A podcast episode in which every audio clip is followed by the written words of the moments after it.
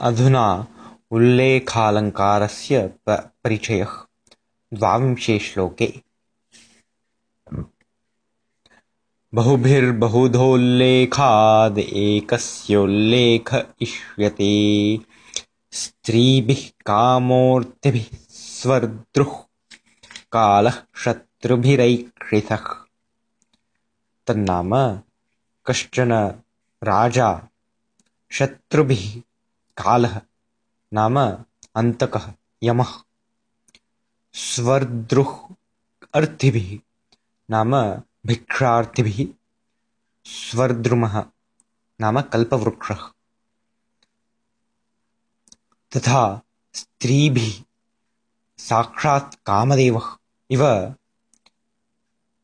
सः ऐक्षि, सः अदृश्यत इति।